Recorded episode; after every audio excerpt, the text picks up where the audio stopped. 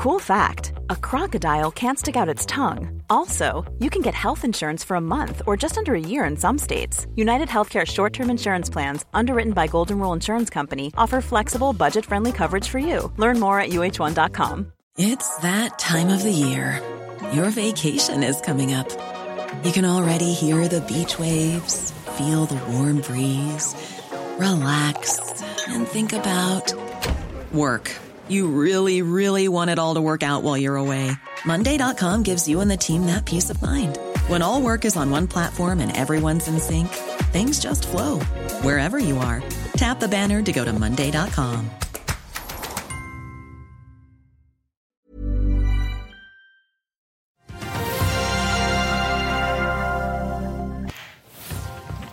TGS vil øke investeringene, Archer og Nell henter penger, Solstad selger hele PSV-flåten sin for 6 milliarder til noen amerikanere, og hvem er det egentlig som passer på hvis man mistenker at det pågår spinnvill shorthandel på Oslo Børs som er udekket? Det er tirsdag 7. mars. Velkommen til Børsmorgen.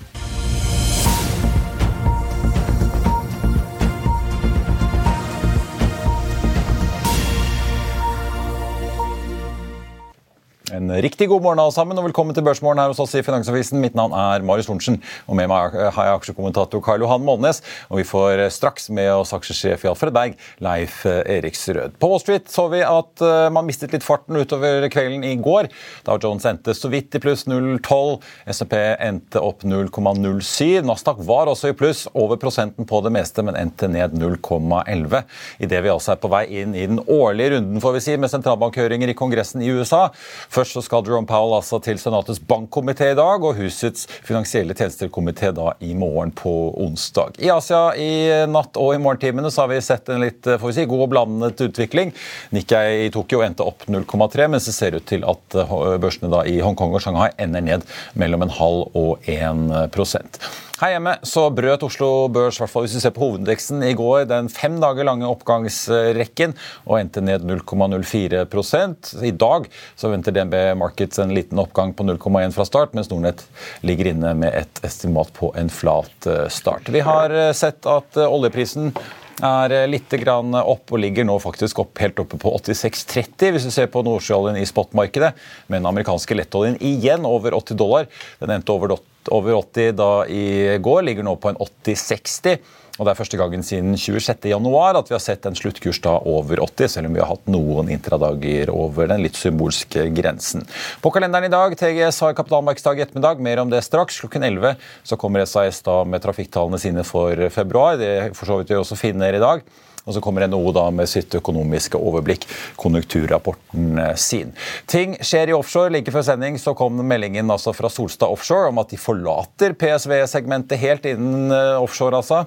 De har inngått en avtale med amerikanske Tidewater om å selge 37, altså alle sine PSV Supply-skip, for 577 millioner dollar i kontanter, altså om lag 6 milliarder kroner. Solstad skriver at gjelden deres blir redusert tilsvarende, og at de kommer til å sitte igjen med en flåte på totalt 41 skip, bestående av ankerhåndterere og subsea-skip, og at de da forblir en av de største skipseierne i verden i disse to segmentene. Og så var det jo litt finansdirektør nytt fra Kongsberg Gruppen i går, men de kom også med en melding litt senere på dagen om at Kongsberg Digital har sikret seg en flerårig avtale med Chevron om å digitalisere deres anlegg verden rundt. Kongsberg har jo en lignende avtale med Shell fra før. Men det er også en annen nyhet på finansdirektørfronten som det er verdt å få med seg i dag, og det er Hexagon Purus. Dilip Warrior skal nå gå over til en annen jobb som konserndirektør for strategiske prosjekter. Og inn kommer Saman Alam, som har vært direktør for forretningsutvikling. Og den trådte i kraft, den endringen, da i går. Den nye finansdirektøren har erfaring fra både Goldman Sachs og Carnegie. Vi skal kaste oss over TGS og nyhetene derfra som har kommet allerede nå på morgenen. Men før børsen kommer i gang, så tenkte jeg bare å nevne to emisjonstall som er viktige før handelen altså starter. Nell henter altså 1,6 milliarder kroner på 14,90. Den aksjen endte i går på 16,36. Og så er det Archer da som henter 1 milliard kroner omtrent i en større finansieringspakke på 1 krone. Den aksjen sluttet i går på 5,03, så en ganske stor rabatt der altså. Karl Johan, god morgen. Skal vi kaste oss over seismikk før vi snakker litt mer om disse to eh, emisjonene? Ja, TGS har jo kapitalmarkedsdag i Oslo i dag. Ja. og De løfter guidingen på multiklientinvesteringer til over 350 millioner dollar. og sier at eh, early sales-raten på dette her skal være minimum 70 da. Og eh, det er eh, fem kjøp, tre hold til én salg, og kursmålet i snitt er 209. og Kursen er på 196, og jeg så jo enkelte meglerhus begynne å ta ned anbefalinger fra kjøp til hold. da. P25 på 2022 og P13 på 2023. Så eh, de har jo tidligere Dette er jo, det er jo en serie av oppgraderinger som har kommet, da, så det er jo ikke noe nytt at de stadig guider for positive ting. Men akselerasjonen i oppgraderingen eh, er jo over.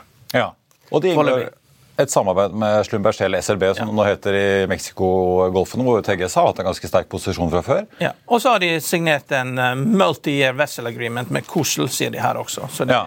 Ja. Det er for å sikre seg flåtekapasitet, ja. rett og slett? Ja, TGS er alltid flinke. Kommer alltid ut av enhver krise mye sterkere enn de andre selskapene. Så det, de er flinke. Folk har jo, eh, Vi skal få høre litt med Leif Ekstrøm om eh, seismikkbransjen, og man har fortsatt troen på dette. på, Men det, mange har jo gjort veldig gode penger på å satse på disse aksjene den siste tiden, etter at de har vært ganske skadeskutt en god periode. Ja. Og vi så fortsatt PGS ut og eller de i hvert fall har meldt at de nå er i kontakt med investorer for å få på plass et obligasjonslån. Ja, og vi har jo på forsiden i dag også Tveitereid som fosser mot en milliard. Han har jo skapt eh, karrieren sin ved å sitte på telefonen og forklare folk eh, TGS. Eh, og hvor mye fantastisk den er med 40% avkastning. Alle de andre har fem, mellom 5 og 10% så det viser jo det at det går jo an å, å bli steinrik hvis man er fokusert. Ja, skal vi snakke litt eh, Ja, det gjelder å ha disiplin. Han er gammel oljeservicehandler, er han ikke det? Ja. Skal vi snakke litt om disse emisjonene også? Jeg får bare nevne det. Vi får besøk av Kristian Johansen, sjefen i TGS her i Børsmorgen i morgen.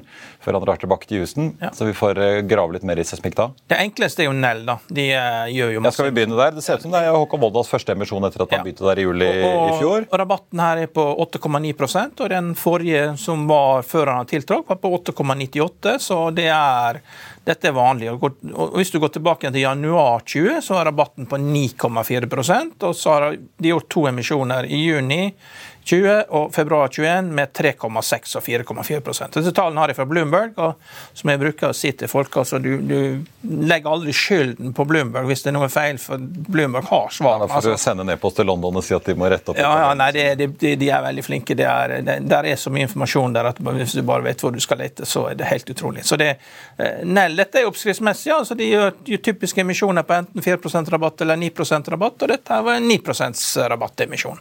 Det er siste fem emisjoner kroner. Det er jo litt spøkefullt sagt. så Det er jo nesten så man kan stille klokken. I mars i fjor henter de halvannen milliard da til 1530. Nå er det 1,6 til 1490. Ja. Eh, og vi har jo sett eh, år etter år så henter jo Nell stadig penger, men det ja. virker jo som de klarer å holde investorenes appetitt gående. Og... Ja, og dette er et selskap som ikke driver og går av masse på staten hver gang de skal gjøre noe.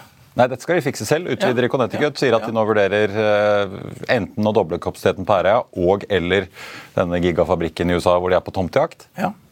Ja, Flinke meglere. Du har Carnegie, vet du. De jo, jo, kan jo eh, fornybare aksjer. De har jo holdt på med dette her i 30 år og vet hvordan du skal gjøre dette. her. Ja, for det Carnegie og Morgan Stanley fikk eh, den eh, jobben. Ja. Så får vi se, Nå har sikringen gått både i Archer og Nels. Vi får se hva kursene lander på. Men apropos Archer, da.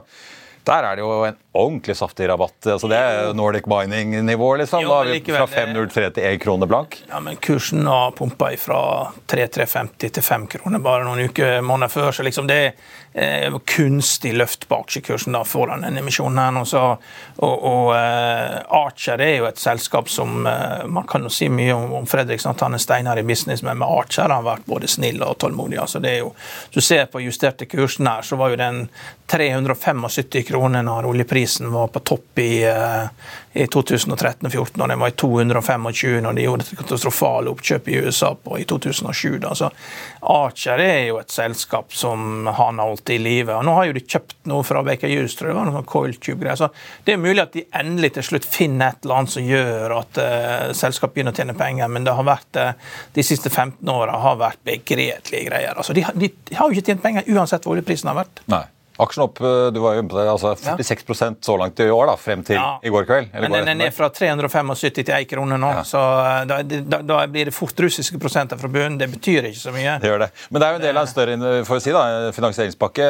Fredriksen og dette Paratus Energy, som også er storaksjonær, begge er med. Eh, omtrent av 40 millioner dollar, altså 25 pluss 15,5 skal de dekke av disse 100 millioner dollarene. Og så kommer det inn også ny finansiering, ny lån på til sammen 460 millioner dollar. Så de gjør en rekke grep her, da, med Sparebank1 og DNB og SEB som ja. Ja, men det er en trend. Rådgiver, si. Liksom, nå må man fram med egenkapital. Bankene, bankene kan jo stille opp med litt, men eh, det er trangere der ute. Det er trangere i skyggebanksystemet. Der, må, og da ser man prisen på kapital når du skal refinansiere. Men det, og det virker ikke som at alternativet har vært å la dette gå i vifta. da. Det, han bryr seg altfor mye om selskapet til det. For, for, det må jo være en mulighet. Det må jo være en måte for dette selskapet endelig å finne ut en måte å tjene penger på. Nå har de holdt på i 15 år mm. uten å finne osten, så nå håper jeg de finner osten. Ja, jeg fikk sånn tegneserie i, i, i hodet igjen, da. Eh, jeg tenkte på det, Vi får se hva PGS får av rente på sitt lån, da, men jeg merket meg jo eh, Archer skriver jo at uh, rentenivået blir da SOFUR, som er dette Libor-alternativet, pluss et påslag på 6,5. Ja. Så at det blir tosifret rente for Archer, er vel noe man må regne med. Ja. Det interessante med PGS er at det fortsatt er denne veldig store spredningen. Du har Sju kjøp og fem salg. Ingen, mm. uh, ingen på Holt. Det, det, er uvanlig. Det har vært et giret case, vet du. Ja, ja. så det er Enten så har man tro, eller en på emisjonen, eller så har man ikke tro og ikke en på emisjonen. Ja. Vi får uh, titte litt uh, Vi sitter og følger med på både Nell og Archer hvor uh, sikringene har gått. så Vi får se liksom hvor kursene lander. Det ser i hvert fall ut til at Nell starter ned en drøy nesten 8% da til 15, litt over 15 kroner aksjen. Archer går vi fortsatt og venter på omsetning på. Så har vi TG som startet opp 2-3% ligger nå opp 0,8 da etter den første dosen med får vi si, nøkkelpunkter fra kapitalmarkedsdagen, hvor da hele bunken med fordeler kommer eh, ved lunsjtider, har TGS eh, lovet. Solstad starter ned 5,5 eh, slet litt med å finne retningen i starten på en børs som er så vidt i pluss. Vi skal straks ta inn dagens gjest er tilbake rett etter. I'll see you in court. Vi sier det ofte litt på spøk, men for deg som driver business, er det aldri moro å innse at du ikke har laget en 100% gyldig kontrakt. Du bør ikke risikere hele firmaet ditt fordi du synes dette med kontrakter er litt stress. En avtale er ikke en avtale. Du kan miste kunder, miste venner, ja, til og med miste inntekter om du ikke lager en skikkelig kontrakt, på alt mulig, egentlig. Men vi vet det er et styr, kopimaskiner, treg printer og haugevis av papir. Dessuten stoler vi jo på folk her i landet. Det er ofte litt kleint å skulle be om en signatur for alt mulig, ja, for mye av styret handler også om jakten på underskriften. Det finnes en enkel måte å løse dette på, Dukkobit, en trygg, effektiv og get this, gratis måte å sikre seg en god natts søvn pluss en juridisk bindende avtale. Dukkobit-appen har de strengeste sikkerhetskrav i bunn, samt en EU-godkjent og sertifisert teknologi. Framover vil det bli behagelig å spørre du, skal vi skrive under på det, eller? Kom i gang på dukkobit.no. Velkommen tilbake. Vi må snakke litt om eh, hva som begynte å utspille seg på fredag og i går, nemlig Nordic Mining. Er det en reprise av hva vi så skjedde da under emisjonen hos Flyr før jul? For eh, mistankene om udekket shorthandel de flyr, unnskyld ordspillet. La oss se litt på hva som har skjedd i Nordic Mining. Det ble jo da varslet torsdag ettermiddag og kveld en emisjon på 60 øre aksjen, etter at kursen endte torsdag på 2,44 i et selskap altså med 232 millioner aksjer den gangen. Fredag så faller altså kursen 68% og det omsettes 104 millioner aksjer, altså omtrent halve selskapet. Mandag så fortsetter aksjen videre ned 17,2 til like over emisjonskurs, og det ble omsatt altså 275 millioner aksjer. og De aller fleste av de ble handlet lenge før de nye aksjene kom inn. Til sammenligning så kan vi jo si at den forrige volumtoppen i Nordic Mining var 29.1.2021 med 14,9 millioner aksjer. og og man så noe lignende i de dagene rundt den tiden. Selskapet får vi si, advarte selv i en børsmelding i går 10.56 om at man ikke kunne handle de nye aksjene før prospektet var godkjent av Finanstilsynet, som da altså ble 12,11 i går. Og etter emisjonen så er det nå 2,03 milliarder aksjer i Nordic Mining. Vi har jo spurt Oslo Børs om å stille for å forklare hva de eventuelt eh, gjør eller ikke gjør.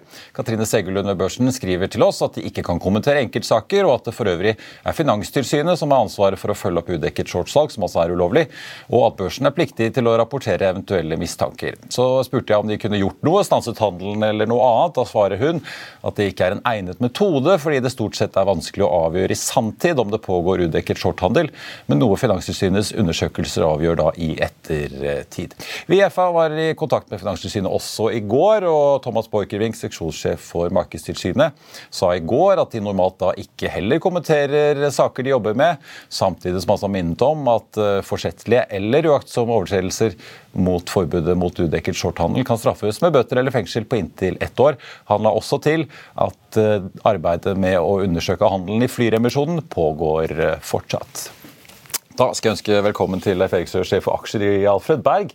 Takk, takk. Dere sitter kanskje ikke i Nordic Mining, men har dere gjort dere noen tanker når dere ser disse voldsomme omsetningstallene da, før folk egentlig har mottatt disse nye emisjonsaksjene? Det er, jo en type selskaper som vi i utgangspunktet ikke bruker noen tid på. så Det blir jo bare å se det som står i avisen og ta det mer som underholdning enn egentlig seriøse investeringsmuligheter for oss. da. Ja. Men tror dere at det er uh, udekket shorthandel som foregår? Det er vel rimelig å anta det. Så ja. vet jo ikke noe mer enn det, som du sier. Dette er jo ikke en sånn prioritert tema for børsen å følge opp. så. Nei. Eh, men sånn jeg tenker sånn for retail-investorer som setter penger og sånn i dette her, burde børsen og Finanstilsynet kommet mer på banen? Det, det, er jo vanskelig å liksom kreve at tilsynet skal bruke ressurser på sånt, at det er jo spekulative investeringer. og, og det er litt sånn at Hvis du leker med fyrstikker, så, så må du liksom tåle å brenne deg litt. Også, at det, jeg tror det er veldig vanskelig å pushe eh, både børsen og tilsynet til å prioritere disse sakene her, selv om det på en måte virker ganske obvious hva som skjer. Ja, Men ditt råd er egentlig bare å styre unna de aksjene i første omgang? Ja, det er kanskje det beste. Ja. Så. Skal vi snakke litt om uh, de mange emisjonene som har uh, kommet nå? Da? For egentlig, En ting er jo Nordic Mining, men nå har vi jo fått uh, Nell og Archer. En god del av de med ganske solide rabatter. Mm. Er det bare, hva er det egentlig et tegn på? Er det bare at det er det skal mye til for å klare å hente penger om dagen? For dere blir jo spurt om å delta i disse, antar Ja. Eh, det er veldig ulike motiver og behov da, som ligger bak emisjonene. Og, og, mange av emisjonene er på en måte riktige å gjøre, sånn sett fra selskapets ståsted. Og, og, det viktige for, sånn, for en aksjonær eller en eier som oss, det er at styrene fatter beslutninger som beskytter aksjonærene. Og Det gjør jo at de i selskaper hvor du på en måte har en litt strekt balanse eller du har veldig gode investeringsmuligheter, så er det jo riktig å hente kapital. Uh, og så er det Om det på en måte er 5 eller 10% rabatt, det begge deler kan være innafor hvis det er en volatil aksje. Uh, hvis det er 60 rabatt, det er kanskje ikke helt innafor. Sånn at uh, det er veldig ulike motiver og det er veldig vanskelig å skjære alle emisjoner over en kam. Men, eh, men, noen av de er på en måte veldig riktig å gjøre. Særlig hvis du på en måte har en sterk valuta, på en måte en aksje som, som er sterk og prises høyt, eh, og du har store investeringsplaner, så er det veldig riktig å hente inn kapital fremfor å låne penger. Eh, for det å låne penger, hvis du på en måte ikke har løpende cashflow, det er egentlig bare et spørsmål om tid før det går gærent. Ja. Så, så det er viktig å ha solide balanser i selskaper som f.eks. Nell. Men det, ja, delta, Har dere deltatt i disse emisjonene til del eller noen av de andre om dagen? Nei, vi Normalt så deltar vi ikke i emisjoner hvis ikke det på en måte er aksjer vi i utgangspunktet er på kjøperne i. Ja. Så vi vil aldri liksom trigge på at ja, du får 5% rabatt, du får 10 rabatt. Det trigger oss aldri. Så det, det, må i utgangspunktet være noe vi er på jakt etter, som vi på en måte har identifisert som en interessant case. Og Hvis det da skulle sammenfalle med på en, måte, en emisjon, så er det klart det er en kjempefin anledning. Men vi trigger egentlig aldri bare fordi du får en liten rabatt, det er ikke nok. Vi snakke litt om eh, offshore? Nå kom den nyheten rett før vi gikk på luften. her, men det At Solstad altså selger unna hele PSV-flåten sin til amerikanske eh, Tidewater da, for å redusert gjelden sin med 6 milliarder kroner, det er vel ikke så gærent? Det er en lang tradisjon for at eh, man sender ut de eldste og de dårligste PSV-ene. De har jo alltid gått ut i andre farvann. da. Ja.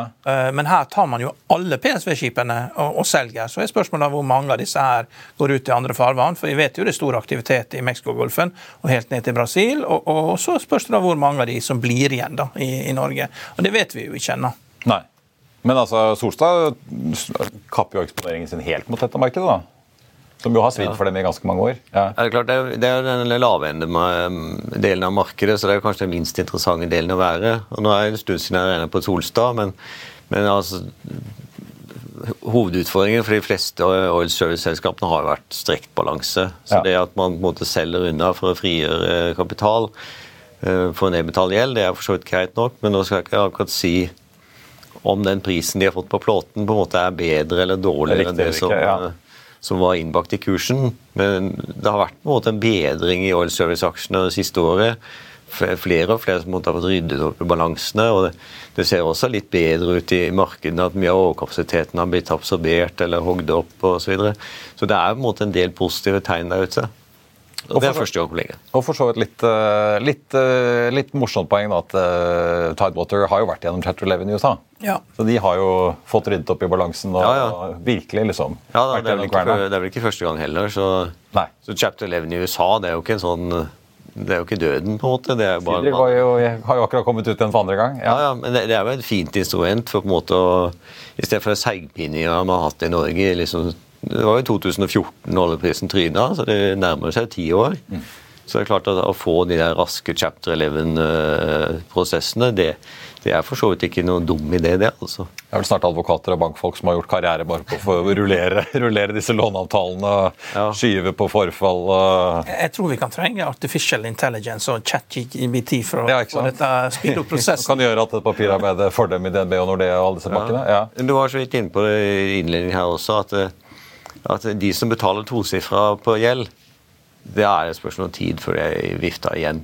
Ja. Så det er på en måte veldig enkelt kriterium for en investor. at ja, Hvis det er selskaper som velger å betale mer enn tosifra på gjelda si, så kan du også bare holde deg unna, for da kommer det nye sjanser. Men det er det ganske mange selskaper som gjør nå. når man begynner å... En ting er jo hva gjelden handles på, men du ser jo altså, Ja. Nordic Mining er det mest aktuelle jeg kom på, men det er jo mange ja, selskaper som har eksisterende virksomhet, som, hvor du ser at Ja. det blir veldig fort tosifret eh, rentebelastning med da, Ja. de påslagene og Nibor eller Libor eller hva de bruker i bunn. Du skal ha en veldig god business i bånn for å kunne betale tosifra på, på gjelda di. Ja. Fordi at eh, rainy days kommer alltid, og da tilbake de rentene. Eh, og Securitoren er jo ikke snille, de. Nei. Men er det da holdt jeg på å si, er det da aksjonærene med egenkapitalen som da får kjørt seg først? Er det i praksis de som da får Ja, altså, betale prisen for det? Ja, altså Det er jo fordi styret på en måte har feilvurdert situasjonen og hatt for lite egenkapital. Ja. Eh, Så, så Kanskje det verste eksempelet var jo nylig på Doff. altså Hvordan man på en måte, aksjonærene levde i en boble og trodde at dette at gjelda er egentlig bare noe du kan liksom Du trenger ikke å betjene hvis ikke du vil, liksom. La skure gå. Ja, ja, men sånn har du hatt i nesten ti år. da. Det jo, Ja. Men så når det først jeg kommer til stykket, så blir man helt sjokkert over at kreditoren vil ha igjen pengene sine. ja. Men så, Det er rart med det. ja, så Men, men altså, apropos, da, har dere endret litt sånn på kriteriene deres når dere nå velger aksjer? Nettopp pga. det at uh, tosifret rentebelastning kan bli litt ordentlig skummelt? Vi lærte dette da i 2014. Vi. Det gikk ganske kort tid før vi skjønte at det, at det er den nye hverdagen. Så siden det så, så har ikke vi tatt i selskaper som på en måte betaler dyrt for gjelda si. Nei. Men hva, hva kaller, Er det tosifret, eller er det når man på på en måte- 7-8-9 nivåer at dere Tosifra er på en måte en grei smerteterskel. Ja. Uh, og da, da Nibo var null, så var en måte smerteterskelen enda litt lavere. Ja. Men liksom, hvis du betaler liksom 7-8 over Nibo, da burde du hatt mer egenkapital. Og. Da får vi jo se hva renten hos eh, PGS eh, blir, da. Men hva tror dere om seismikk i disse dager? da? Nå er jo Kristian Johansen og co. i TGS og skal vise seg frem for investorene i eh, dag. Ja, som Karl Johan sa, TGS er jo et outstanding selskap i den sektoren der. De på en måte har jo alltid, alltid landa på bein og vært veldig flinke til å håper å si, være lojale mot forretningsmodellen sin med, uten egne assets osv. Mens da skipseierne har på en måte blødd gang på gang på gang. Så, så seismikkmarkedet er på en måte ikke bare ett marked. Det er jo liksom TGS, og så er det resten. Ja. Uh, TGS er jo som price to perfection, så det er jo ikke noe sånn det er jo ikke noe skjult juvel der ute, men, eh, men det er klart at over tid så er det liksom bedre å gå for det safe og håper håpe å få 5-10 avkastning i året, fremfor liksom å skulle doble penger over natta da, i disse andre selskapene. Så hvis du skal sitte med seismikkeksponering, så er det der, eh, der du helst sitter? Ja. Ja, PGS de må i så fall ja, de, de burde hatt mye mer egenkapital. Altså da, da kan på en måte styret fatte de beslutningene som er riktige for selskapet, ikke de beslutningene de må fatte. Eh, Er det noe dere er undervektet uh, nå for tiden, da?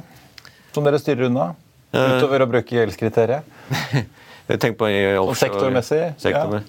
Ja, vi, er, vi er typisk så er vi jo lite innenfor telekom. eh, Telenor har jo for så vidt vært sterk hittil i år. eh, Men liksom, den har gått litt for the wrong reasons. eh, Estimatene har ikke kommet noe opp.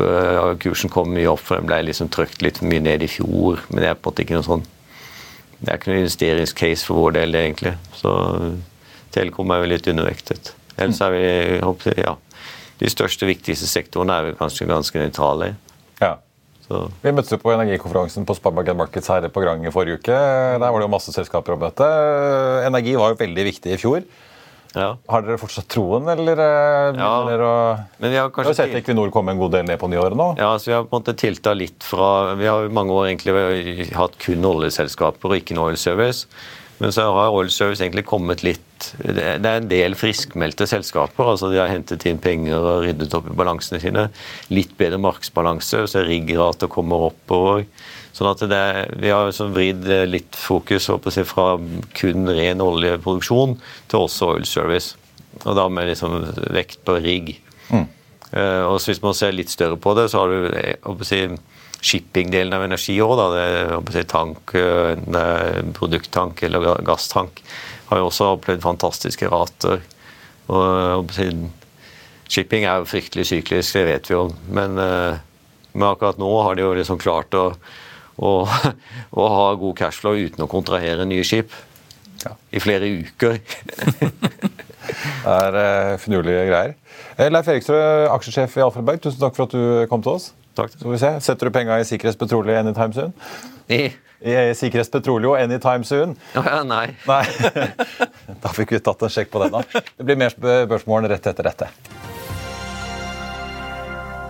Velkommen tilbake. Et par nyheter også kortere som har kommet siden sist som er verdt å få med seg. Høg Autoliners transporterte 1,3 millioner kubikkmeter med last i februar, melder de. Gjennomsnittlig brutto fraktrate i februar var på 83,7 dollar per kubikkmeter. En nedgang på 3% mot snittet da i fjerde kvartal. Og så Kambi. Fikk en EBITDA på 29 millioner i fjerde kvartal. Ordrereserven økte til 1,06 milliarder. I forkant så hadde DNB Markets ventet eh, en marginal positiv EBITDA og at ordrereserven skulle øke til like over 1 milliard. Så er det et par nyheter fra Equinor. Får vi si. Den ene er at eh, det endelig begynner å hvert fall se, som det ser ut, eh, se ut som det skjer noe da i det enorme gassfunnet deres i Tanzania. Reuters skriver at eh, Tanzania nå begynner å forberede kontrakter. og Der kan jo da bli en enorm LNG-utbygging. Den andre nyheten er at Equinor og Petrobras skal undersøke muligheten for å bygge hele syv vindparker i Brasil med en totalkapasitet på 14,5 gigawatt. Så det kan jo gi et betydelig løft får si, Karl Johan, til Equinors eh, fornybarleveranse fremover. De har jo satt noen mål mot eh, 2030, men har vært ganske tydelige på at de bygger ikke ut for enhver pris. De skal ha avkastning på dette her. Ja. Ja. Men de har jo eh, De kan ha lange briller, da. Mye mer enn alle de andre. Ja, men det er interessant nytt land. De har jo liksom satsinger i Korea, Polen, Norge, selvfølgelig Storbritannia, USA på øst- og vestkysten. Nå ser det ut som Brasil kommer etter. Ja, og ting skjer. Har du trua? De har, de har råd til å gjøre litt feil også, Equinor. Det kan, eh, de har penger til det. Vi får satse på det. Jeg tenkte ellers på Wall Street i går litt eh, interessant eh, at eh, konkurranseregelverket kanskje strammes litt til med Joe Biden. Og så er det i hvert fall JetBlue-sjefen Robin Hayes var ute og sa at det er ikke sikkert at det oppkjøpet av Spirit Airlines, som de jo kjempet lenge om mot Frontier, blir noe av likevel, eller i hvert fall at de risikerer å få et søksmål fra Justisdepartementet for å få stanset det. Det er jo med litt blanda følelse. Jeg vet ikke, liksom, JetBlue er et fantastisk flyselskap. For all verden skal de gjøre med Spirit Airlines? De må jo ødelegge det da, hvis de skal fusjonere det. For JetBlue er jo mm, veldig bra. Det to forskjellige segment. Er Spirit er jo liksom ultra low cost. Ja, ja. liksom, de, de gjorde vel rett og slett for å unngå at andre skulle kjøpe det opp? var det ikke sånn? At det var Ja, Frontier var jo er den andre ja. eh, skulle prøve å få kloa i det. ja.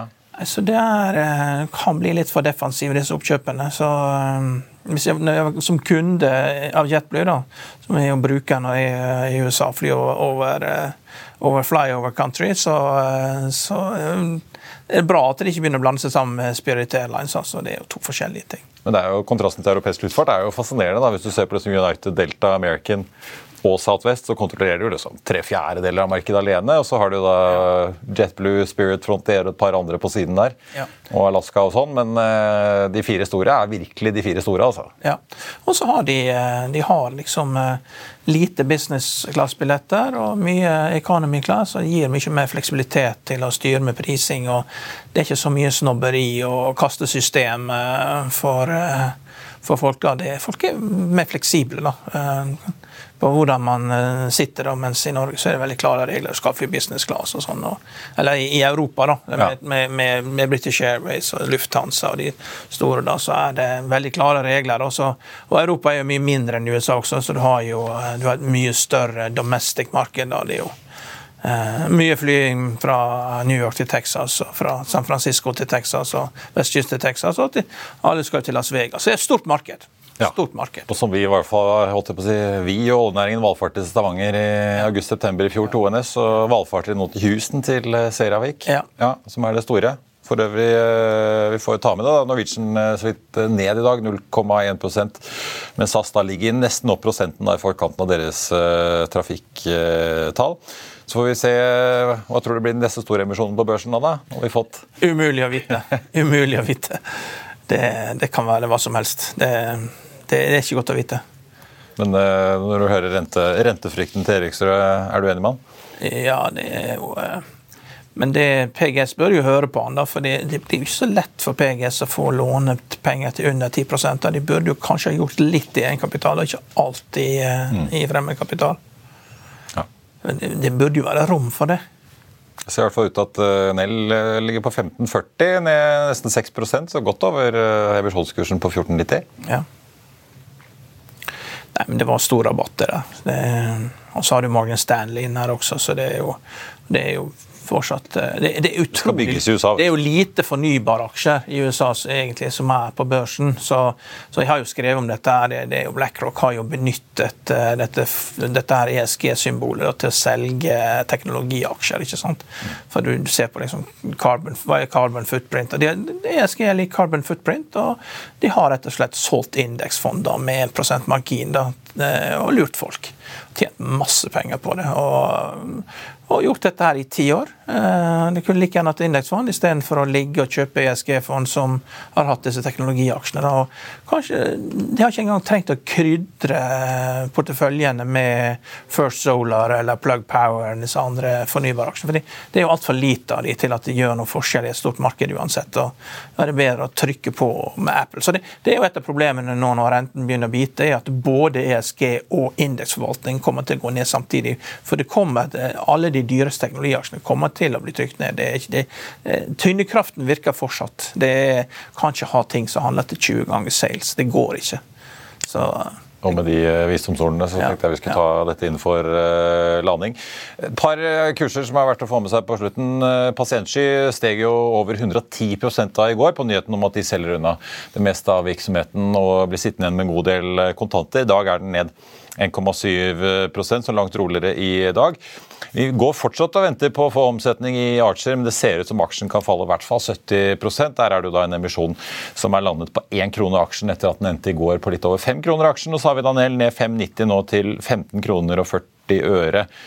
med, da, med en emisjonskurs som de hentet over en milliard på, på da 14,90. Nordic Mining ligger foreløpig stabilt i null i dag. TGS opp 0,2% da foreløpig i hvert fall på samme dagen som ledelsen legger frem eh, oppdaterte eh, tall, prognoser og strategier får vi si, på kapitalmarkedsdagen. Solstad har mistet ganske mye fart eh, nå utover morgenen etter at da meldingen kom om at de selger hele PSV-flåten sin til amerikanske Tidewater for rundt 6 milliarder kroner.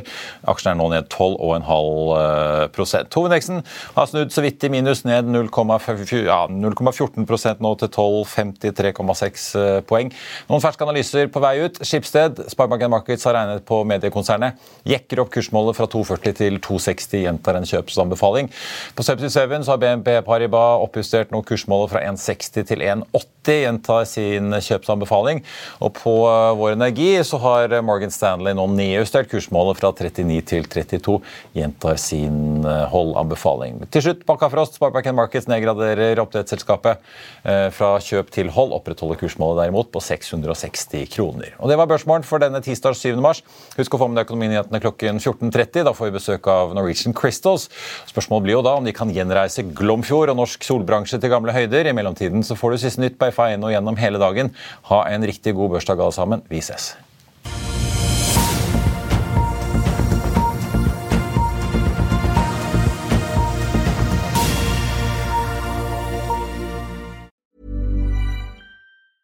Hey, it's Danny Pellegrino from Everything Iconic.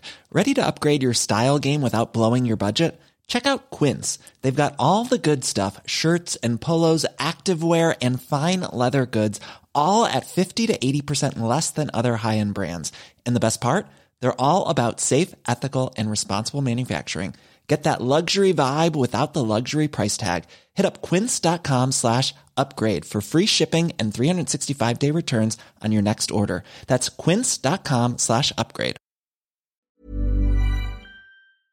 Økonominyhetene er en podkast fra Finansavisen. Programledere er Marius Lorentzen, Stein Ove Haugen og Benedikte Storm Bamvik. Produsenter er Lars Brenden Skram og Bashar Johar. Og ansvarlig redaktør er Trygve Hegnar.